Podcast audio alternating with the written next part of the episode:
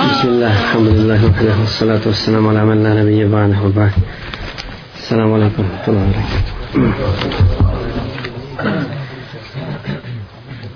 wa Draga braću u islamu, vama je već dostavljen program i od prilike znate onaj naslov i naše teme. Naime, ja sam našao za shodno da danas, inša Allah, u ime Allaha Đalešanuhu podsjetim prije svega sebe, a i vas, na jednu vrlo važnu stvar, vrlo važnu temu, kad je u pitanju naš život kao vjernika na Dunjaluku, a to je odgoj, islamski odgoj, posebno odgoj budućih generacija koje trebaju da ponesu emanet vjere i da ga dalje pronose vjernika a da mi sa sebe skinemo naš tug, a prije svega da sami sebe odgojimo i da izvučemo pouku iz odgoja prvih generacija, kako ćemo vidjeti kasnije iz određenih primjera, zašto su uspjele prve generacije, zašto vjerovatno svako od nas postavlja sebi ta pitanja, zašto su uspjeli ashabi, zašto su uspjeli tabijini i ostale generacije koje su nas pretekle u dobru, koje su prenosile baklju islama, i e, nosile taj emanet istinski i iskreno pa je došao period kada su muslimani posustali dakle šta je njih nosilo šta je njih krasilo od istinskih osobina i vrijednosti pa su pa im je Allah Đelešanu dao bereket u njihovom životu i ostavio spomen na njih na Dunjaluku i pripremio nagradu na Ahiretu draga braćo mi znamo da od vrijednosti vjere Islama i njene koristi za čovječanstvo jeste i to što je ta vjera koji je Allah Đelešanuhu objavio preko poslanika Muhammeda sallallahu alaihi wasallam došla sa cjelovitim i potpunim programom za odgoj kako pojedinca, čovjeka dakle kao ličnosti, takođe i za odgoj porodice, generacija, odnosno društva i kompletne, kompletne civilizacije sa utvrđenim pravilima i sa utvrđenim programom koji vodi do ponosa, do veličine, i napretka. A sve to radi toga da bi se ljudskost i da bi se čovjek kao Allahov halifa na zemlji pro, i njegovo stanje promijenilo, promijenilo na bolji. I radi toga da bi ljudi bili izvedeni iz tmina širka, neznanja i kufra i zablude u svjetlo ili na svjetlo tevhida, znanja, upute i postojanosti kako kaže uzvišeni jehdi bihin lahu man ittaba ridwanahu subula salami wa yukhrijuhum min adh-dhulumati ila an-nuri bi idhni u suri Maide u 16. majetu kaže Allah Đelešanuhu dakle to je uputa kojom Allah Đelešanuhu puči na puteve spasa one koji nastoje da steknu zadovoljstvo njegovo i izvodi ih iz tmina na svjetlo i na pravi put ih upući. I dosta je braćo islamu ponosa koje ga danas nemaju, muslimani ga ne, nemaju, ali je islamu kao vjeri. Zaista kad govorimo o ovim stvarima dosta ponosa i ovom islamskom šerijatu, to što su čak njegovi protivnici, protivnici islama potvrdili njegovu vrijednost, potvrdili veličinu islama. Ja ne znam da li ste vi nekad razmišljali o ovim stvarima, ali kod nas je prevedeno dosta tih stvari i dosta izreka od mnogih kršćana, od mnogih židova u korist, u korist islama. Ja bih samo spomenuo jednu, nekoliko tih stvari. Recimo, poznati, poznati filozof, kršćanski i učenjak, Gustav Le Bon je prema riječima jednog od zapadnih akademika rekao da se nisu pojavili Arapi sa islamom na istorijskoj pozornici Evropa bi sa svojom renesansom kasnila mnogo vjekova. Dakle, sa svojom kulturom, sa svojom civilizacijom i sa svojim napretkom i tim tehničkim, a kamoli da ne govorimo da su ipak oni imali na početku, zato što su ukrali, možemo slobodno kazati, od islama neke vrijednosti, posebno na polju nauke i tako dalje, kasnili bi, jer Europa je bila poznata po, po mračnjaštvu. I danas ona svjedoči to osim tog nekog tehničkog, materijalnog napretka, zbog zaostalosti muslimana na svakom polju i ostavljanja Kur'ana, Allahove upute, dakle Europa bi kasnila, kasnila za tim. Ono što posebno čovjeka iznenađuje, ali i zadivljuje u isto vrijeme, jest izreka također jednog kršćanina koji se zvao Bernard Shaw, koji je rekao za Islam, Islam je jedinstvena vjera koja posjeduje snagu da prati razvoj života, u bilo kojoj fazi, u bilo kojem vremenu. I kaže, ja smatram da se Muhammed, sallallahu alaihi ve sellem, treba proglasiti izbaviteljem čovječanstva. Pogledajte da kaže čovjek kršćan. Nikada nije primio islam. I to je ono što, meni, što, me, što je interesantno. Dakle, vidio je veličinu islama i priznao je i kaj nama treba čovjek danas, u njegovom kad je on živio, čovjek poput Muhammeda i sigurno bi nam on riješio naše probleme u kojima mi, u kojima mi danas živimo. I kada je islamski šarijat, braću, opisan kao božanski i kada, je, kada ga karakteriše, kako kažu islamski učenjaci, a to je istina, ali oni ga tako opisuju, kada govore o ciljevima šarijata, cjelovitost, moć obnove i stalno strajanje, da li se ti njegovi sveobuhvatni obnoviteljski principi mogu naći ili da li su oni samo kao puka ideja u mozgovima ili teorije, teorije u knjigama. Ili je taj šerijat zaista ostvaren u praksi i od njega samo ima korist i vrijednost. Dakle, šerijat koji je ostvaren u praksi koji se može opipati i vidjeti. Ovaj odgovor na ovo pitanje prepustit ćemo Sejdu Kutbu Rahmetullahi Aleyhi koji u jednoj od svojih knjiga, mnogobrojnih knjiga, e, kaže između ostalog izvojao je pobjedu Muhammed ibn Abdullah sallallahu alaihi ve sellem onoga dana kada je od svojih ashaba izgradio i odgojio žive likove imana koji su jeli hranu i hodali po trgovima kada je sva, od svakog od njih izgradio i obrazovao živi Kur'an koji hoda zemlju pogledajte kako je Sejid Kufran razumio zbog čega je uspjela prva generacija Resul sallallahu alejhi ve sellem je odgojio ljude i izgradio od njih žive Kur'ane i kada je svakog pojedinca načinio primjerak ili uzorak od tjelovljenog islama. Od tjelovljenog islama koje kada ljudi vide, vide islam. Kad vide njega, njegovo ponašanje, njegov način života, prepoznaju u njemu islam.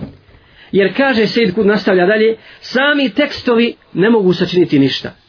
Sam mushaf ne može djelovati dok ne postane praksa ili kako on kaže dok ne postaje čovjek. I sami principi ne mogu živjeti i opstati dok ne postanu ponašanje i životni put. Zbog svega toga je, kaže Muhammed sallallahu alaihi ve sellem, za svoj prvi cilj uzeo izgradnju ljudi, a ne samo vazove, a ne samo držanje predavanja ljudima. Izgradnju srca, a ne samo držanje kitnjastih hudbi. Uzeo je za svoj cilj izgradnju ummeta, a ne uspostavu nekakve, nekakve filozofije. I on je jednu ideju, odnosno božansku ideju, kuransku ideju, preobrazio u ljude koji se mogu dodirnuti, dodirnuti i vidjeti. I kaže, izvojao je pobjedu Muhammed sallallahu sallam, onoga dana kada je od islamske ideje izgradio ličnosti. I on je jedan jedini primjera Kur'ana. Jedan jedini primjer Kur'ana oštampao u stotine i hiljade primjeraka ali kaj nije ga štampao, nije ga štampao tintom na papiru, nego Allahovim svjetlom je odštampao taj Kur'an na srca ljudi. Na srca ljudska, na srca živih ljudi koji su kasnije svojom praksom svjedočili šta u stvari znači Islam. Šta je to Islam sa kojim je došao Muhammed sallallahu alaihi ve sellem? I zaista, dakle ovo, je, ovo su citati iz njegove knjige, vjerovatno islamije i da li je Dunjaluk upoznao bolje ljude od tih i pobožniji i učeniji i hrabriji i skromniji i ponizniji i darežljiviji sve osobine istinskog čovjeka posjedovali su ashabi i dosta je veličine što ih Allah spominje u Kur'anu na mnogim mjestima na mnogim mjestima opisuje osobina ashaba i ti ajci se uče do sudnjega dana kaže Allah Đelešanu Muhammedu Rasulullah والذين معه أشداء ولا الكفار رحماء بينه jedan opis samo Muhammed je Allahu poslanik a oni koji su s njim šta žestoki su prema nevjernicima i odmah mi danas poredimo naše stanje ima li pri nama te osobine zašto muslimani danas stagniraju falim prvi u prvom majetu kojeg su stir falim ta osobina žestoki prema nevjernicima samilosni među sobom mi bi odmah mogli obrnuto govoriti. Muslimani danas žestoki prema sami sebi, a samilosni, samilosni i blagi prema, prema, prema nevjernicima. Ili, druga osobina iz sure Zarijat kaže Allah žešanu za njih, وَكَانُوا قَلِيلًا مِنَ اللَّيْلِ مَا يَهْجَعُونَ I oni su malo u noći spavali. وَبِلْ أَسْحَارِهُمْ يَسْتَغْفِرُونَ I u zoru su tražili oprosta. U zoru se traže oprost od Allaha Đelešanu. To je ono što je podiglo na visoke, na visoke stepene. Ili, kuranski ajče sura Ahzab, gdje Allah Đelešanu kaže, minel mu'minine riđalun sadaku ma'ahedu. Ma'ahedu Allah alaih. Minhum men kada nahbeha, minhum men jentavir. Kaže Allah Đelešanu, od mu'mina ima muškaraca. Ima ljudi, muškaraca. Inače, vrlo interesantna je ova tema o muškarcima, inša Allah, nekada ćemo je održati.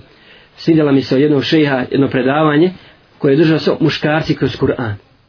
Kako Allah što govori o muškarcima? Allah govori od mu'mina ima muškaraca. Muškaraca koji su ispunili ono što dali, obećanje koje su dali Allahu Đalešanu. Od njih su oni, ima onih koji su poginuli, koji su rutvali svoj život, a ima onih koji, koji to čekaju. I ovo je dakle samo ne, jedan dio od onoga što Allah Đalešanu objavljuje o njihovim plemenitim svojstvima i preko njih braćo je praktično ostvareno ostvaren i uspostavljen najbolji zakon Allahov zakon na zemlji i formirano i organizovano najbolje društvo možemo slobodno kazati idealno društvo idealno društvo i zajednica koja je od samog početka bila želja želja svih nekakvih reformatora dunjalučkih koji nisu vjerovali u Allaha Đelešanu, koji nisu bile obje od Allaha Đelešanu i želja svih filozofa. A kako da ne bude tako? Dakle, kad su ili proučavali islam i vidjeli da ga je poslanik sa srlem ostvario u praksi i da je izgradio jednu generaciju koja je bila u mašti svih ljudi da naprave takvu zajednicu. A kako da ne budu takvi? Kažu islamski učenjaci, kad bi kadija među njima budi dvije godine, a ne bi imao jedne parnici. Nikomu ne bi dođe da se parniči za, oko bilo kakvog problema a zašto da se parniče zašto da se parniče kažu kad je među njima Kur'an Allahova objava i zašto da se parniče zbog čega da dolaze na sud kad svaki od njih voli svome bratu više nego samom sebi Allah to gaži više vole drugima, više vole svoje braći nego samima sebi, mada im je samima, mada im je samima potrebno. Dakle, živjeli su mnogi muslimani nakon toga i crpili sa tog izvora crpili sa izvora njihovog morala morala, ahlaka, ponašanja i tako dalje sve do vremena kad su muslimani napustili suđenje po islamu i kad su nestali tragovi islamskog hilafeta i neprijatelji islama su braćo uspjeli ostvariti svoj pogani cilj oni su od islamskog ummeta napravili ja slobodno mogu kazati na osnovu onoga što mi danas vidimo ummetu samoubilački narod narod koji sam sebe uništava nakon što je ostavio Kur'an i sunnet Rasula sallallahu alaihi sallam nevjernici su podijelili ummet na razne državice na razne emirate međusobno ih zavadili Medus, oni, su, oni su danas po, najpoznatiji po pohlepi po strašću, želji za dunjalukom, žive na, na, na osnovu nekakvih principa koji ne liče na islamske principe. I m, principi među muslimanima sami danas su različiti. Dakle, nisu isti, nisu jedni i žive bez cilja koji bi mogao vratiti ponovo na ono mjesto koje pripada, pripada ovome ummetu. Izgleda ovaj ummet kao jedno. Danas kad govorimo o brojkama, svi kažu ima milijarda i kusur muslimana na zemlji. Međutim, međutim srca su im razdvojena. Izgledaju da imaju snagu, da imaju snagu i da imaju bogatstvo, da imaju novac, da imaju oružje, ali su, ali su poput morske pjene, ali su poput mulja kojeg, kojeg, kojeg nosi voda. Tako da su čak, vi vjerovatno čitate i slušate i pratite, čak mnogi vrhunski da, ali mi daje današnjeg doba i reformatori govorili da je ovo posljednji vakat. Izgubili bili nadu ili su već izgubili nadu u povratak u povratak hilafeta u mogućnost popravka ovoga ummeta toliko je zaglibio toliko je težak njegov hal da su kazali ovo je posljednji vakat ovo je aheri zaman kada je najbolje da se čovjek vjernik povuče sa svojim stadom u planine da bi sačuvao da bi sačuvao takvu vjeru međutim kažu islamski učenjaci da ova očajna predođba o nemogućnosti popravljanja stanja proizilazi iz troje. Proizilazi iz tri stvari. Prije svega iz džehla, iz nepoznavanja prirode ove vjere. Nepoznavanja suštine ove vjere koja ima snagu da preporodi čovjeka da preborodi genera generacije kad joj se vrate istinski za jednu noć da preporodi ljude i mi često puta griješimo kad govorimo treba oživjeti islam na našim prostorima treba oživjeti oživljavanje islam je živ nego treba srca oživjeti islamu treba ljudska srca preporoditi preporoditi islamu to je prvi razlog drugi razlog ovakvog očajnog gledanja situacije jeste ljubav prema dunjaluku i prezir prema prezir smrti preziranje smrti kao kao da neće kao da neće doći kao da neće i muslimani danas na tom polju ne smiju žrtvovati ništa ni položaj, ni metak, osim onih kojima se Allah smilovao, a njih je jako, jako malo. I treće, nepoznavanje cilja zbog koje je Allah Đelešanu stvorio, stvorio ljude, zbog kojeg je stvorio muslimane. A to je robovanje Allahu Đelešanu i pozivanje u Allahu vjeru. I onoga dana, braćo, kada muslimani shvate da je Islam vjera koja postiče na snagu i da u tom pogledu parola parola islama jeste stalna i ostaće do sudnjega dana wa iddu lahum mastata'tu protiv njih pripremite koliko god možete snage to je ko može zanemariti ovu činjenicu a gdje su danas muslimani učite ajete na namazu i uči svaki dan ili svakodnevno na svakom dijelu zemaljske kugle imami u mesčinima uče sura enfal i uče ovaj ajet i uče tu maksimu kuransku i parolu. Međutim, muslimani očito nisu pri, shvatili ovaj ajet i zato nisu pripremili tu snagu. I kada shvatije muslimani da je islam vjera ilma, vjera koja, koja postiče na znanje, ne samo na šarijasko znanje, nego svako korisno znanje. I ta parola, odnosno poruka se krije u ajetu 114. suri Taha, gdje Allah Đelešanu upozorava poslanika sallam i sve sredbenike Islama, Kako će upućivati dovu Allahu Đalešanu? Koju? Vakur rabbi zidni ilma. Gospodaru, povećaj, povećaj moje znanje. I kada shvate muslimani da Islam naziva čovjeka Allahovim halifom na zemlji, da bi upravljao njome, po Allahovoj odredbi i po Allahovoj uputi, da bi eksploatisao, iskorištavao zemlju, da bi otkrivao njene tajne, njeno bogatstvo i da bi ih koristio na Allahovom putu i olakšao, olakšao, sebi, olakšao sebi život. I kada svate da je Islam uzdigao čovjeka iznad drugih stvorenja, kako kaže uzvišeni وَلَكَدْ كَرَّمْنَا بَنِي آدَمَ وَحَمَلْنَاهُمْ فِي الْبَرِّ وَالْبَحْرِ وَرَزَقْنَا مِنَ الطَّيِّبَاتِ وَفَضَّلْنَاهُمْ عَلَى كَثِيرٍ مِنَ خَلَقْنَا تَفْضِيلًا Kaže Allah Đelešanu, mi smo sinove Ademove odlikovali, odlikovali i dali im da putuju kopnom i morem. I na kraju Allah kaže, i mi smo im dali prednost nad mnogim stvorenjima, nad mnogim odih koji, koji smo stvorili.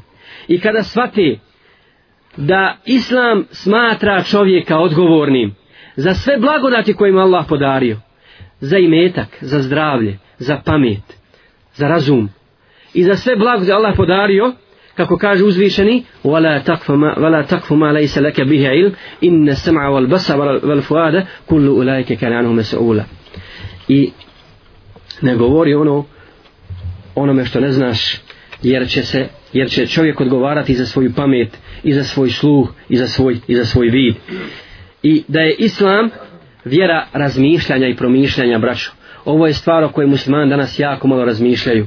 Da Allah Đalešanu upozorava muslimane i poziva ih da razmišljaju o Allahovim, o Allahovim blagodatima. I da je Islam vjera rada i aktivnosti, a nije vjera ljenosti, nije vjera leškarenja i odmaranja. To bi muslimani prvi trebali da znaju. I oni su nekad bili preteče, preteče u ilmu, u radu, u aktivnosti, u širenju Allahove vjere. Jer Allah Đalešanu kaže... وَكُلِ عَمَلُوا فَسَيْرَ اللَّهُ عَمَلَكُمْ Radite, a Allah Đelešanu će vidjeti vaš rad i vaš trud i njegov poslanik i mu'mini.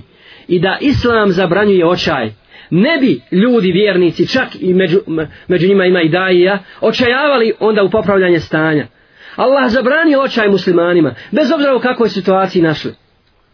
وَلَا تَيْأَسُ مِنْ رَوْحِ اللَّهِ Kaže uzvišeni, ne gubite nadu Allahu milost zaista nadu Allahu milost gube ko? Samo nevjernici. Vjernik nikad ne gubi nadu Allahu milost. I da je Islam vjera ponosa i veličine. Da je Islam vjera ponosa i veličine. Mi juče putujemo, vallahi ovo i vred brać, juče putujemo ovamo za krajinu i vidimo Srbe. Šta rade? Šta im je život? Prodaj na cesti, napravili su neke dvije, dvije, tri daske, zakovali, prodaju kasete. Pjesma, muzika, alkohol, zinaluk. To je ono što oni imaju. I muslimani, interesantno muslimani slijede u tome. A vallahi čovjeku koji posjeduje zdrav razum, nek nikad nije čuo za, za objavu Allahu. Kad vidi to, pa vidjet će da je to bijeda. Duhovna bijeda. Ali kad ti napustiš pravi put, onda zavlada sljepilo. Pa ti vidiš u njemu ponos. Za, zašto? Zato što on ponosi sa svojim paganizmom. A ti se stidiš ti se stidiš svoga islama a to je osobina munafika jer Allah kaže walillahi al-izzatu wa rasuli wa lil-mu'minin ponos pripada Allahu i poslaniku i mu'minima i tako mi Allaha kad bi čovjek vjer mi to znamo i osjećamo posao vraća iz dijaspore kako, kako mi kažem iz dijaspore ja bi onaj se ovdje sam dovezao na ono jučerašnje jučerašnje ono komentarisanje o dijaspori svi su mi dijaspora ovdje u Europi onaj, pa možda je malo i, i nezgodno nazivati u braću koja žive tamo u Austriju Njemačkoj braća iz dijaspori onaj, uh, jer kršćanska Europa je takva i ona, ona nas neće ostaviti, ostaviti, ostaviti na miru. Ali ti kao čovjek, kao musliman koji je spoznao istinu, koji uješ u Allaha, džele, kako se osjećaš tako ti Allaha, nek si sam u Holandiji, u Danskoj, u Finskoj, kad si upoznao isti, istinu, kad te Allah uputio, ideš ulicom, vidiš samo džehl, samo neznanje, tminu, zabludu, u kojoj ljudi uživaju i misle da je to život, nema ništa drugo ti si ponosan. Nek si sam. I sažaljevaš te ljude. Sažaljevaš te ljude i tražiš načina kako da im ukažeš, kako da im ukažeš na pravi put. Jer sigurno njihove duše traže istinu. Traže istinu i ti znaš šta je taj džahilijet. Tebe Allah spasio iz toga. Dakle, vraćo draga, kada se muslimani oslobode, a prije svega njihova ulema, pohlepe, ljubavi prema, prema Dunjaluku, straha, kukavičluka, i kada im upućivanje ljudi na pravi put Allahovom dozvolom i popravljanje društva bude glavni cilj kada budu ubjeđeni da je nafaka u Allahovim rukama da je obskrba u Allahovim rukama i da im niko ne može ni koristiti ni štetiti ako to Allah Allah neće i da kada bi se sav svijet okupio protiv njih da im ne može učiniti ništa nikakvu štetu ništa nažao ako Allah Đalešanhu to neće, tada će se vratiti na po, i dati na posao i putiti na polje dave popravljanja stanja i odgoja generacija i Allah Đalešanhu će poniženje zamijeniti ponosom, strah, sigurnošću i razjedinjenost jedinstvom islamskim i kada spoznamo kada spoznamo da smo stvoreni da robujemo Allahu Đalešanuhu a jer Allah će kaže vama halaktul džinne wal insa illa li ja'budun ljude i žene nisam stvorio zbog žura nego da mene da meni robuju, da meni ibadet čine a taj ibadet i to robovanje braćo šta znači?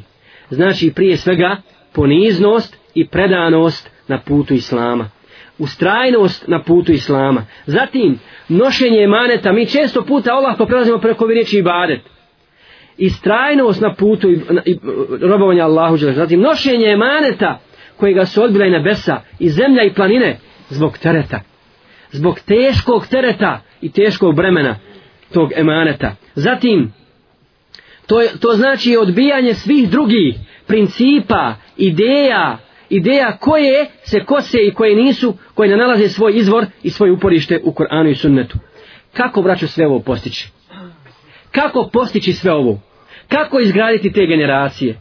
Kako mu smanjno vratiti ponovo ponos? Odgovor se krije, braćo, samo u jednoj jedinoj riječi. A to je odgoj odgoj. Kako odgoj? Odgoj pojedinca, odgoj porodice, odgoj društva islamskog na islamskim principima. A ova riječ odgoj je, ima, mnoga, ima mnogostruko, zna, mnogostruko značenje. I ovaj odgoj podrazumijeva više oblasti. I imanski, i, i duhovni, i tjelesni, i fizički, i fizički, i društveni odgoj, i tako dalje. Sve te oblasti mi moramo uzeti u obzir, a Islam obuhvata sve te oblasti. Wallahi, pratimo siru ashaba i pratimo Kur'an i sunnet, vidjet ćemo šta su oni primjenjivali. Na svim poljima, ovoga, na poljima, ova, svim poljima odgoja, šta su primjenjivali? Primjenjivali su Kur'an i sunnet, praksu poslanika sallam i zato su uspjeli. I da bi uspjeli u tome, u odgoju naših duša koji su skone zlu i u čišćenju naših srca za koje kaže poslanik sallallahu alejhi ve sellem ala inna fil jasad mudgha idha salahat salaha al jasad kullu wa idha fasadat fasada al jasad kullu zaista u čovjekovom tijelu ima jedan dio koji ako je čist ako je zdrav zdravo je cijelo tijelo ako je on pokvaren ako je bolestan bolesno je cijelo tijelo a to je a to je srce zato ćemo spomenuti u našem predavanju neke puteve i metode odgoja kod prvih generacija kod ashaba i kod tabijina. I mi ćemo pokušati prezentirati dakle neke od tih metoda koje su koristile prve generacije, a koje ne predstavljaju ništa drugo nego primjenu Kur'ana i sunneta u njihovoj životnoj, životnoj praksi. Prva stvar, prva stvar koju ćemo spomenuti i koju su oni posebno koristili i naglašavali i prenijeli do naših dana jeste šta? Bil neko mogao pogoditi? Osobina koju su posebno ashabi, i tabiini.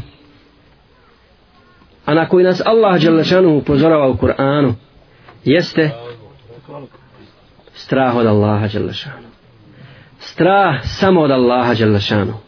Kaže uzvišeni وَأَمَّا مَنَ خَافَ مَقَامَ رَبِّهِ وَنَهَا النَّفْسَ عَنِ الْهَوَا فَإِنَّ الْجَنَّةَ هِيَ الْمَأْوَا A onaj ko se bude stajanja pred gospodarom bojao i svoju dušu od strasti sačuvao, njegovo prebivalište je džennet. Dakle, to je osobina na kojoj su oni odgajali svoje duše i svoje generacije. Strah samo od Allaha Đalešanu, ni od kog drugog. Jer ako se nađe, zbog čega je vraćo važna ova osobina, posebno danas, i zbog čega, posjeća, i zbog čega nju baš prvo spominjemo. Zato što se danas muslimani, koji sebe nazivaju muslimanima, boje više svakog drugog nego Allaha Đalešanu. To je uzrok poniženja. To je uzrok poniženja. A zbog čega se boje svakog drugog učenog Allaha Đelešanu? Zato što su napustili sljeđenje Kur'ana i Sunneta. Zato što nisu ubijeđeni u to. Zato što slijede, slijede svoju strast. وَنَهَ نَفْسَنِ الْهَوَا Onaj ko svoju dušu strasti sačuva. Kome strast nije, nije vođa, nije komadant. Kako kaže Abdullah Mas'ud, radijallahu ta'an, govorio je svojim ashabima, vi živite u vremenu u kojem istina upravlja strašću. Istina vodi strast. A doći će vrijeme kada će strast upravljati istinom. I ja se utječem Allahu od takvog vremena. Utječem se Allahu, kaže Abdullah Mesu od takvog vremena. Dakle, taj njihov strah je bio usmjeren, usmjeren u nekoliko pravaca. Prije svega, strah od Allaha Đalešanati. Strah od onoga što se može desiti ako ne budu bogobojazni, ako ne budu sjedili put Kur'ana i Sunneta od kazne koji je Allah pripremio, pripremio tako. I strah od upadanja u grešku koja se zove dozvoljavanje. Ako sediš strast, onda će šta? Dozvoliti ono što je Allah oharamio, što je Allah Đelešanomu zabranio. Jedan učenjak je rekao, ko se boji stajanja pred Allahom Đelešanomu, neće kročiti ka grijehu. A kad kroči ka grijehu, ako ga njegova duša, njegov nefs, a to je prirodno, navede na grijeh nekada, njegov iman će ga vratiti ponovo na stazu njegov ima i čak ako pomisli uraditi grijeh, osjeća težinu u svojim prsima. Osjeća težinu zbog toga što je pošao da uradi grijeh, a i kad ga uradi, vraća se ponovo u kolo tečinu. Čini istikvar, čini to u Allahu želešanu, jer duša je, duša je sklona, sklona grijehu. Dakle, to je strah koji je učinio ashave, odnosno prve generacije, braćo, potpuno slobodnim ličnostima potpuno slobodnim ličnostima zato se potvrdili kao ljudi zato ne možemo da shvatimo čak ni mi koji slijedimo Kur'an i Sunnet njihovu hrabrost, njihovu veličinu njihovu darežljivost, njihovo međusobno pomaganje stavljanje brata iz, i potrebe brata iznad svojih, iznad svojih potreba i ta, odricanje od dunjaluka na, na, na, takav način i tako dalje dakle imamo koliko hoćete primjera za to čak njihova djeca vidite u redovima mužahida kad poslanik sa selem postroja vojsku za bitku. Dječak od 14 godina. Poslanik sa selem gleda ko je sposoban. Postrojava i ako je mlad, insan ako je dijete, izvodi ga iz safa da se vrati kući. Pa jedan od ovih dječaka se krije. Krije iza leđa. Jednom asavu pa kaže šta se kriješ, preposi se, a? Prepoze, a ne vallahi, preposam se da me poslanik ne izvede iz safa, da me ne vrati kući. Da me ne vrati kući, da ne idem da ne u borbu na Allahom put. To su primjer istinski. Ili Kutejbe el Bahili, kada je ušao, kada je ušao duboko sa svojom vojskom, kada su muslimani bili ponosni i kada su širili Allahu u vjeru. Jer to je cilj našeg života. Allahi, to je cilj našeg života. Dava, borba da Allahu niš bude gornja i želja da steknemo Allahu zadovoljstvo. Nema ništa drugo. A nije samo kako neki kažu napumpavanje prazno. Ne, Nama je cilj da mi razumijemo islam. Da mi razumijemo islam. Ne, mi ne želimo da držimo nekakve vazu i predavanja koja će samo podići atmosferu kod ljudi. A ovamo situacija realno sasvim drugačija. Nama je cilj da se odgojimo kao muslimani, da shvatimo istinu, da budemo iskreni prema Allahu Đalešanu. I tada će nam Allah dati bereket i mi govorimo o uzrocima zbog čega Allah uskraćuje bereket, zbog čega Allah uskraćuje pobjedu. Jer Allah nikome zulum ne čini, Allah nikome nasilje nepravdu ne čini. A posebno robovima koje Allah voli.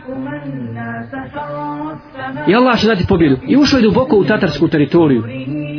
Pa mu kaže na njegov drug, Evo kod tebe, zaista si duboko zašao u teritoriju neprijateljsku, a Allah je dane podijelio među ljudima. Danas jedan dan protiv tebe, jedan dan za tebe. Kako si danas pobjedio, sutra možeš živjeti poraz težak. Veli, vratimo se malo, malo se smiri. Kaže Kutejbe, vallahi, ništa me nije uvelo ovako duboko u, u teritoriju, osim sigurnost i jekim da je pobjeda od Allaha Đelešan. Da je pobjeda Allaha I kada ti istekne eđel, brate, ne vrijedi ti opreznost ni poputnina šta si god pripremio, koliko se god spremio, kad dođe Eđel, ti se vraćaš svome gospodaru. Pa mu kaže ovaj, idi, neka te Allah čuva. Idi, u pravu si. Dakle, nema tu sad opreznosti, moj je cilj jasan. Naš cilj je jasan i mi idemo, idemo ka našem cilju. Ili, Abdullah ibn, Abdullah ibn Zubeir, vrlo interesantno, djeca, dakle, eh, prije svega kad govorimo o mladim generacijama, kako su ashabi odgajali djecu na hrabrosti, na strahu samo od Allaha Đalešanu. Mi znamo kako je bio halifa uh, Umar radijallahu ta'ala, kako je bio strog, ali pravedan. Pravedan u svojoj, u svojoj strogosti, kao što je u Bekr bio pravedan u svojoj blagosti. Kaže, jednog dana najviš Omer djeca su se igrala. Igrala se djeca i kad su vidjeli Omera, svi su pobjegli. Osam Abdullah ibn Zubeira. On mu prilazi i kaže, što ti nisi pobjegao? Kaže, od čega da bježim? Nisam napravio nikakvu grešku da pobignem. Pojede dijete od 90 godina kako razmišlja. Nisam napravio grešku ni prema tebi, ni prema Allahu Đelešanu, nisam ništa skrivio. Zašto da bježim od tebe? Kaže, Omer, zaista si ti sin svoga oca. Koji je Zubeir, koji je bio sa osem, otac ga vodio kad mi je bilo 12 godina, ili 13 godina u bitku i sa njim zajedno učestvovao učestvovao u borbi u borbi za islam. Dakle na tim stvarima, na dakle, kada strahu samo od Allaha dželle odgajale su se prve generacije i Allah im je onda podario hrabrost, hrabrost i istinsku slobodu. Jer kad se čovjek ne boji Allaha, onda se boji svega drugog i tada je ponižen. Tada je vallahi ponižen. Kad iziđeš na ulicu, misliš svi ljudi gledaju u tebe zato što imaš bradu. Sad će se svi okomiti na tebe nepravno razumijevanje islama nepravno razumijevanje istine a kad znaš da je tvoj život u Allahovoj ruci i da se samo njega bojiš da se ne može ništa desiti bez Allahove volje i odredbe onda ti kročiš dostojanstveno ovim tegobnim dunjaluškim životom zatim druga stvar na koju su odgajali ashabi sebe i svoje generacije mlađe generacije jeste učenje duše strpljivosti strpljivosti na iskušenjima Kaže Allah je čak upozorava svoga poslanika Muhammeda s.a.v. pa kaže Vasbir nafseke me alladine jada'una rabbahum bil gadati vala ašiji juriduna vajha. Strpi se sa onima koji i dan i noć se mole svome gospodaru. Želeći samo njegovo lice, želeći njegovo zadovoljstvo. Povodom čega je objavljan, kaže sad mi vekas, sjedio je naša storica sa poslanikom s.a.v. kad su došle vođe Kurejša vođe mušrika i rekli su otjeraj ove otjeraj ove bjednike od sebe ove siromahe ove koji nisu niko ništa kod nas koji su bili robovi i mi ćemo te onda slušat pa kada sad mi neka svoj predaj nakon toga je poslije sad razmišljao i nešto i se desilo u njegovoj duši možda je pomislio poslanik sa sallam da, da uradi tako ne da napusti ove nego da poseban poseban međlis odnosno poseban sastanak sa, zakaže za vođe, kako bi njih pozivao. Pa Allah objavljuje ajed, ne tjeraj one koji traže Allaha u zadovoljstvo od sebe, da bi ugodio ovima, da bi ovima. Bez obzira koliko misliš da dava tada uspjet, budi strpljiv s njima. Budi strpljiv, oni su se odazvali, prihvatili istinu, nije bitan nivo. Nije bitan nivo koje, kojeg su oni. Bili oni oslobođeni robovi ili neko drugi, oni su prihvatili vjeru. Oni je razumiju, ne razumije Ebu Džehl. Ne razumije, on je neće nikada razumjeti. I nije nikada razumio. Nego hoće da te zavedu. I nemoj. Ja, a to je to, ovaj ajet nam ukazuje na to da je duša u stvari sklona zlu. Ona po svojoj prirodi ne voli stege. Ne voli, ne voli granice. Ona hoće da se oslobodi. Zato ovi danas kjafri govore o slobodi. Šta mi braniš tu? Šta mi braniš da ja udovoljavam svoju strast? Da radim šta hoću? Ako mi to zabrani, znači postavljaš neke granice. E to je džahilijetsko razmišljanje kad nema objave i čim uspostaviš granicu evo mi koji smo prihvatili vjeru i molimo Allah da budemo iskreni na, na, u vjeri na, na, na Allahovom putu kad govorimo sad o džahilijetu većina će nas priznati da nam džahilijet nije bio izazovan dok smo bili takvi dok smo živjeli u moru tog džahilijeta sad ka izazovno sve zašto sad postavljena granica kako će biti izazovno tada kad ti ništa nije bilo zabranjeno kad si sebi sve dozvoljavu i žene, i alkohol, i drogu, i sve ostalo što je, što je Allah žena zabranio. Sad si spoznao da je to zabluda, da je to sređenje strasti i postavljena granica. Allah postavio granicu koja sigurno odgovara, makar je ti tvoja duša ne volila, ali ti odgovara, u njoj je korist. A duša ne voli te, ta ograničenja, makar, u tome, makar se u tome krile neke, neke koristi. Zato spominje uh, e, Bish al-Hafi, kada je putovao sam sa jednim svojim prijateljem i on je ožednio. I došlo jednog bunara i on kaže zašto se ne napijemo ovdje? Pa mu ja kažem neka na drugom bunaru. I došlo do drugog bunara, kaže ovdje ćemo se neka na trećem bunaru. I kad je tako smo prešli sve bunareve, on se nije napio. Pa sam mu rekao, tako se prekida dunjalu. Tako se prekida, tako ne sve dunjalu. Kad ti duša poželi nešto, ti misliš moraš to ostvariti. Ako to ne ostvariš, gotovo je nisi ostvario svoju slobodu, nisi se potvrdio kao čovjek, ni, kasnije će ti biti to žao. Neće, Dunjaluk prolazi, prolazi, ima drugi bunara koji se možeš napiti, ili treći ili četvrti, i tako, tako se prekida Dunjaluk. Zatim, podnošenje i trpljenje na Allahovom putu. Imam Buhari bilježi hadis u kojem kaže Resul sallallahu alaihi sallam, nama smo dobro pozna, čestog puta ga citiramo, žennet je pokriven čime? Iskušenjima, iskušenjima, tegobama, gobama, A džehennem je pokriven i taj put do džehennema popločan strastima, strastima. I ovaj prekrivač, braćo, nije od platna, nije od kože.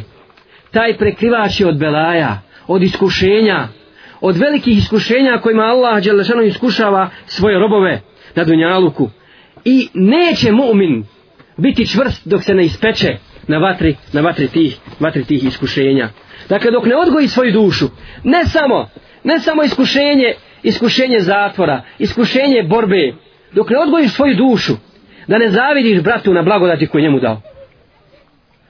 Allah podario čovjeku ilm, a tebi krivo kad on okupio ko sebe ljude i kad ga ljudi slušaju. Zavidnost. Pa Allah, ovo je bolest zbog koju Allah ne da bereket. Ne da bereket nama u našem radu podjela na organizacije, na džemate, e, naše međusobne svađe, prepir, a govorimo kako, kako ne uspjevamo. Liječenje duši, liječenje duši, i sjed, ja sam malo, jutro sam razgovarao s jednim bratom, i kažem, kad govorim o ovim stvarima, o liječenju duše od tih bolesti, često mi puta na um padne primjer Selma Nauda, koji navodi jednom svom dersu, pa kaže, danas daje, kaj kako, čudimo se što nam Allah da pobjedu, danas kaj daje zavlje na drugu, ti okupio 15 mladića oko se samo 15 ljudi i ja ti zavidim i kajem vidi i kad, se, kad oni odu od tebe ili kad ti odeš od njih kajem ma jes, u redu je to, dobar je on čovjek ali ali ovo, u ovome ali krije se sva negativnost koju ti nosiš u svojim prsima prema njemu i kada zavidi da jedan drugom a kada ne zavidi šeitanu koji je okupio 100.000 ljudi na utaknici zavidi njemu pa da ide tamo da pozivate ljude, da ih odvrati od, od, od šetanskog puta. Dakle, to su bolesti. Jedan, jedan od tabina je rekao, kad ja sam, ima 20 godina, kako živim i tražim jednu stvar, a još je nisam našao. Nisam je postigao i neću prestati da je tražim. Koja je to stvar? Šta je rekao? To je da šutim od onoga što me se ne tiče. Još nije postigao to. 20 godina se bori samo s tim. Dakle, upada, upada u takvu grešku. Zatim, sačuvanost od pohlepe.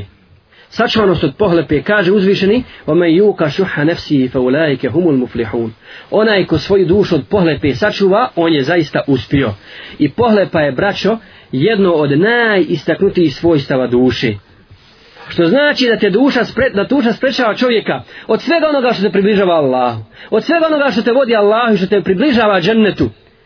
A tjerate i nudi ti ono što te udaljava od dženneta i što te približava, približava džehennemu. Divan je, lijep je bio sinoć onaj prizor i onaj primjer sa onim pismom iz Palestine. Zaista je takva situacija sa nefsom. Takva je situacija s dušom. Ne da Marku. Ne da Marku za to. A ovamo će se rasipat u zabranjenim stvarima i uvijek će naći opravdanje. Uvijek će naći duša opravdanje kad treba žrtvovati na Allahovom putu i kad treba žrtvovati za ono što će sigurno naći mnogostruko na ahiretu. Ali tvoj nefste, tvoj nefste tjera. I ovo su dobro razumijele prve generacije, pa su se čuvale pohlepe. Ebul Hayyaj al Asdi kaže, jedan od tabina, kad je vidio sam čovjeka kako tavafi oko Kabe i non stop samo uči jednu dovu. Allahumme qinni šuha nefsi. Gospodaru, sačivaj me pohlepe moje duše.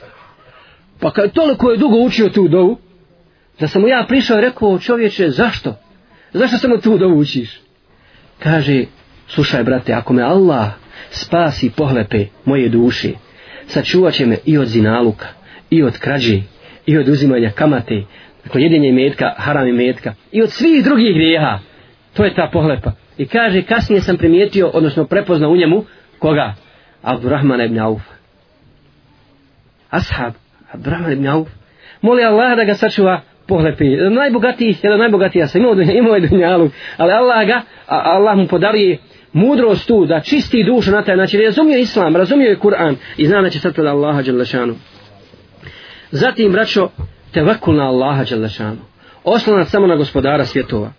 Muhammed ibn Abi Imran kaže da je pitao jedan čovjek poznatog tabina Hatimul Asamma Na čemu zasnivaš svoj tevekul?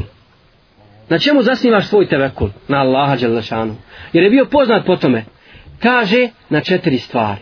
Na četiri osobine. Prvo, saznao sam da moju nafaku neće pojesti niko drugi. Pa mi se duša smila na tome. Neće moju nafaku niko drugi pojesti. Drugo, saznao sam da moj posao neće niko drugi uraditi. Pa sam mu se predao. Predao sam se to u svom poslu s kojim želim da zaradim Allahu zadovoljstvo. Za Zatim, saznao sam da će smrt doći iznenada, pa sam je ja pretekao. Čime je pretekao? Pretekao je dobrim dijelima, pripremio se za smrt. Ne može njega iznenaditi, inša Allah. Dakle, kad god dođe, a doći iznenada svakome, spreman mu'min, spreman da stane pred gospodara svjetova. I četvrto, saznao sam da se ne mogu sakriti nigdje od Allaha Đerlašanuhu, pa ga se stidi.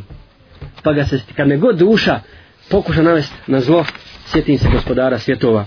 Jer rizk, vjernik je ubijeđen da je Allah odredio na faku. I kaže poslanim sada neće umrijeti duša, neće umrijeti insan dok ne potroši svoj na faku. Nema drugi. Ovaj isti čovjek, jedan put tavafio oko Kabe, pa mu je prišao jedan čovjek i kaže poduči me jednom kuranskom ajetu. Nauči me. Kaže zapamti dobro kuranski ajet gdje Allah što kaže wa fis sama i rizqukum wa ma tu'adun i na nebesima vam je obskrbeno što očekujete i otišao ovaj čovjek došao iduće godine na hađ na hađ i prilazi ponovo hatimu na samu i kaže tako mi Allaha ja sam se ubijedio u to nauči me drugom ajetu nauči me daj mi neki drugi ajet on mu citira sljedeći odmah posle ovog fa rabbi sema i wal ard innahu lahakku mitra ma annakum tantekum I tako mi gospodara nebesa i zemlje, to je istina, kao što istina da govorite. Dakle, istina da, da je na nebes, da vam je opšta na nebesima, kao što istina da govorite. Pa kaže ovaj Beduin, kaj, ka, koji je to nitko natjerao tako Allaha da se zakune?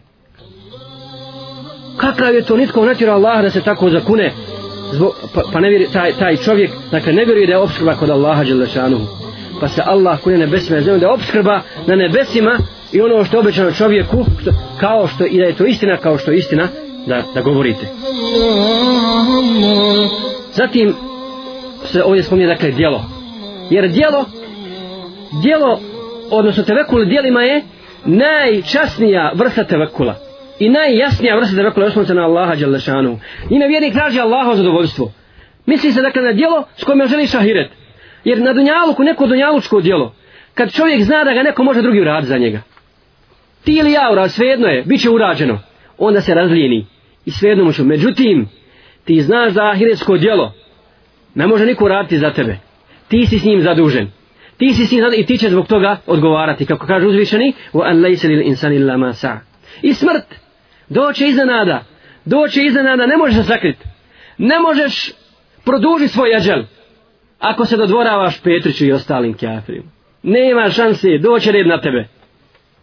A ne možeš ga ni uskratiti, ne možeš ga prekratiti, ne možeš prije umrijeti. Neće ti doći smrt prije ako kažeš istinu, subhanallah. Ako se bori za tu istinu, za te uzvišene ciljeve. I vidjeli ste, kad, mus, kad je musliman ponižen, kako nastupa. Kako nastupa musliman kad je ponižen? Dolazi u hag i kaže časni sude, časni sude ne osjećam se krivi.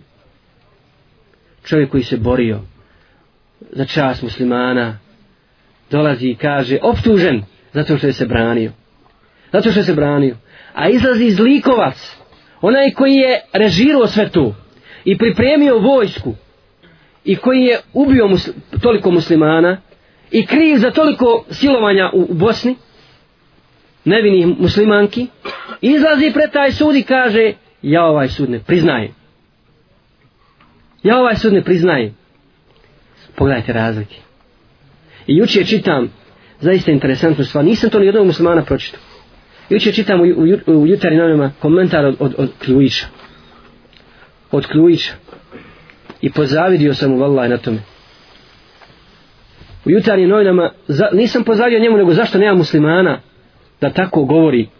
Kada pogledajte ljudi, kakva se nepravda čini ovom bošničkom narodu i poslje rata. I poslje rata. Odvode sad ljude koji su branili Bosnu, odvode i u Hag. I sude im zato što se branili. A kaže, mi svi, i kaj traže stenograme od sjednica, sjednica prijesedništva, a mi svi znamo da je 92. odma odma na početku agresije, međunarodna zajednica potpisala, imamo taj dokument, Imamo ga u našim rukama. Potpisala da je izvršena agresija na Bosnu. Oni su to potpisali, nismo i mi tjerali.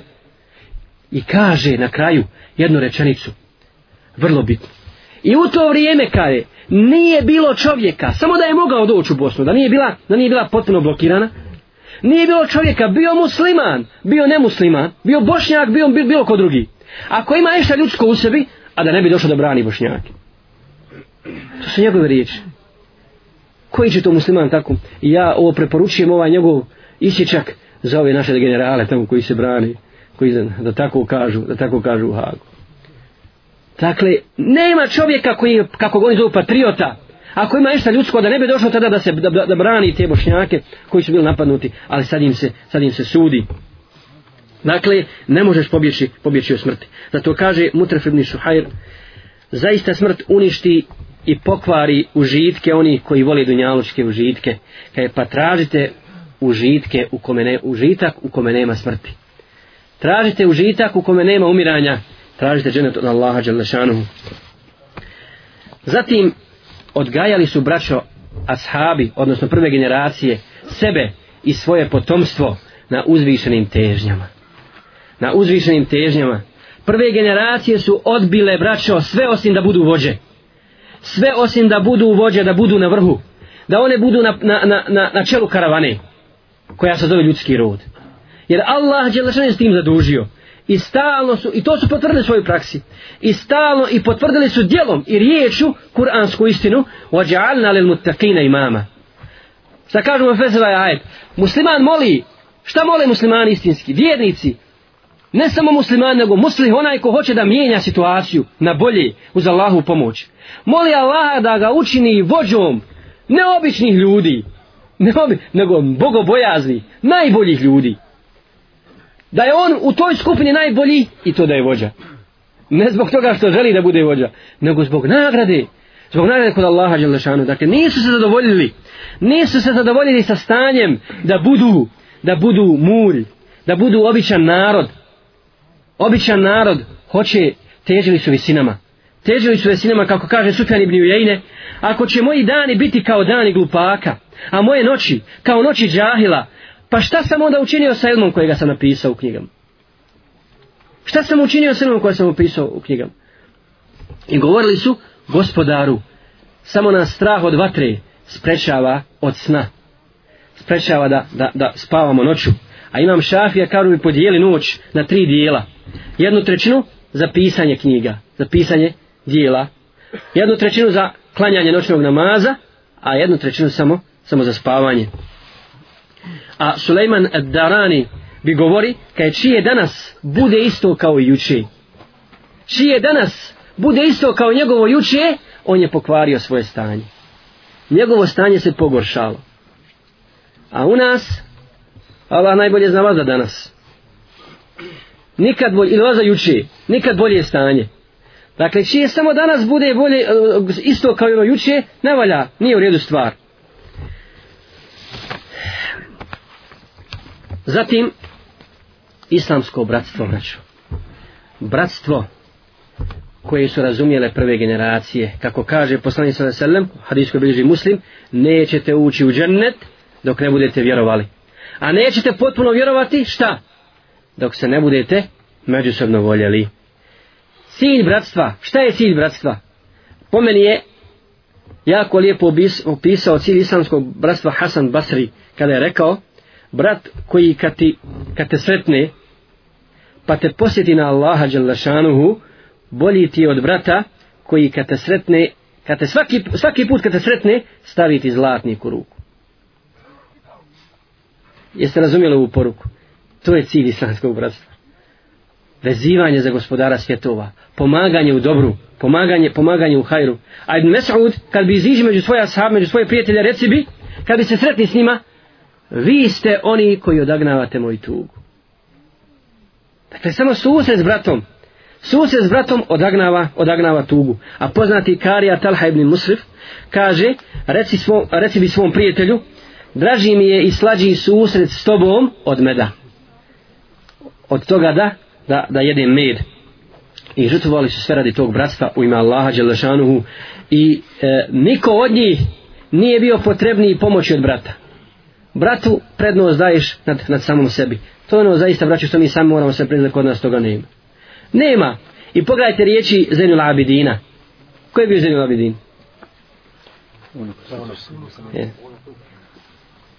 kaže ja se stidim vallaj vraću ako ništa ne zapamtim od ovog predavanja zapamtim ovu ja se stidim od Allaha da vidim svog brata za kojeg molim da mu Allah podari džennet a ja škrtarim da mu dam nešto od dunjaluka ja, svi molimo jedni za drugi da Bog da ti Allah dao džennet. Džennet, Allah te nagradi džennet i firdevsom. A kada tražiš da dunjalu kao onda škrtari, škrtari ne da. Tražiš od njega najveće stepene u džennetu, a nemoj mi samo dunjalu, ne diraj mi džep. Ne diraj mi džep. Kaj, da, da me Allah Đelešanu ne prozove na sunjem danu i da ne kaže da je džennet bio u tvojim rukama ti bi škrtario. Ti bi škrtario, ne bi ti molio za, za bratine da, da mu da džennet Allah da je on bio u tvojim rukama. A to Allah je dao nešto tebi od dunjaluka, pa si škrtario. Ali džennet svakako nije u tvojim rukama, pa zato moliš, moliš Allah da podari bratu džennet. da podari bratu džennet. Dakle, to je bratstvo koje su oni imali kod sebe i zaista ga potvrdili na djelu. Potvrdili na djelu. Kod nas je, molimo Allaha da bude kod nas počeo na djelu. Ali ja mislim se složiti sa mnom da je kod nas još uvijek samo na jeziku. Samo na jeziku. Ili u našim, u našim željama. I na kraju, dova dova s kojom su liječili svoje tegobe.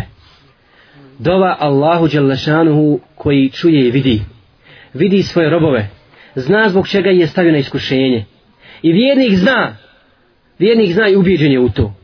Dakle, oni su stalno jedne druge posticali na dobu. Kaže, uh, a taj nebi rabba, rekao mi je ta us jednoga dana pred Kjabom, kaže, ne traži svoju potrebu kod onoga ko pred tobom zatvara vrata i posle toga stavi još hijab. Nego traži svoju potrebu od onoga čija su vrata otvorena do sudnjega dana. I koji ti je naredio, koji ti je naredio da, da ga dozivaš i moliš i obećao da će ti se odazvati. I obećao da vrata stalno otvorena kod gospodara svjetova. I naredio ti da ga dozivaš i ljuti se i srdi na tebe kad ga ne dozivaš i obećao ako si iskren prema Allahu i ako traži ono što je dozvoljeno, da će ti Allah to sigurno dati. Kao što je primjer čovjeka u pustinji, koji je, koji je krenuo na putovanje, trgovac je bio, stoji u tefsirim kefira, ova, ova priča, pa kaže, na, sa natovarenim magarcem je pošao i sreo ga je čovjek, sreo ga je čovjek koji je bio lopov, pa kaj mogu se pridružiti na putovanju, kaj možeš, pridruži mi se. I nakon izražnog vremena rekao je, ajmo mi ovim putem, ovaj zna kud se ide, ajmo ovim put. I onda ga je zaveo i doveo u jedno mjesto, pusto, gdje je bilo puno ubijenih ljudi. Pa mu kaže ovaj, sad mi daj sav svoj metak i ja ću te, ja ću te ubiti ovdje kao i ove, ove, ove ostale. Pa je on počeo da bježi i ovaj ga je uhvatio i kaže, eto ti sav metak, eto ti sve samo me pusti, ka ne ne, i metak je svakako moj. Ja sam već njega uzeo, ali ja hoću tebe da ubijem. Pa kaže, dobro, uradi to samo i pusti da klanjam dva rekata. Dva rekata namaz. Dobro, pa samo požuri.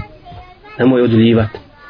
I on je stao da klanja, stao je da klanja, i kad je stao da klanja, zaboravio je sve što je znao od Kur'ana, od silnog straha. I tako je stajao, stajao, i ovaj mu kaže, požuri, završi, još jedan rekat nisi sklanju. I tada, mu na um pada samo jedan kuranski ajde Allah što mu kaže emme yujibu al mutarra idha da'ahu wa yakshifu su zar onaj koji otklanja nedaću i nevolju onome koji ga doziva u tom trenutku je vidio konjanika vidio konjanika koji dolazi brzo na konju sa sab isukanom sabljom dolazi i osjeca glavome ome zulumčaru koji ga je ti ubiti pa mu kaže tako ti Allaha ko si ti kako si saznao za mene kaže ja sam glasnik ja sam glasnik onoga koji otklanja tugu i nevolju od onoga od onoga koga zamoli i ko zatraži od njega ko zatraži od njega pomoć zato vraćo da nam Allah podari hajr da nas učesti na istini da nas okupi oko Kurana i Sunneta da nam oprosti grijehe molim Allaha da ubrza pobjedu istine da nas uvede u džennet s našim poslanikom sallallahu alejhi ve sellem i onima koji su nas pratili dobro amin jazakumullah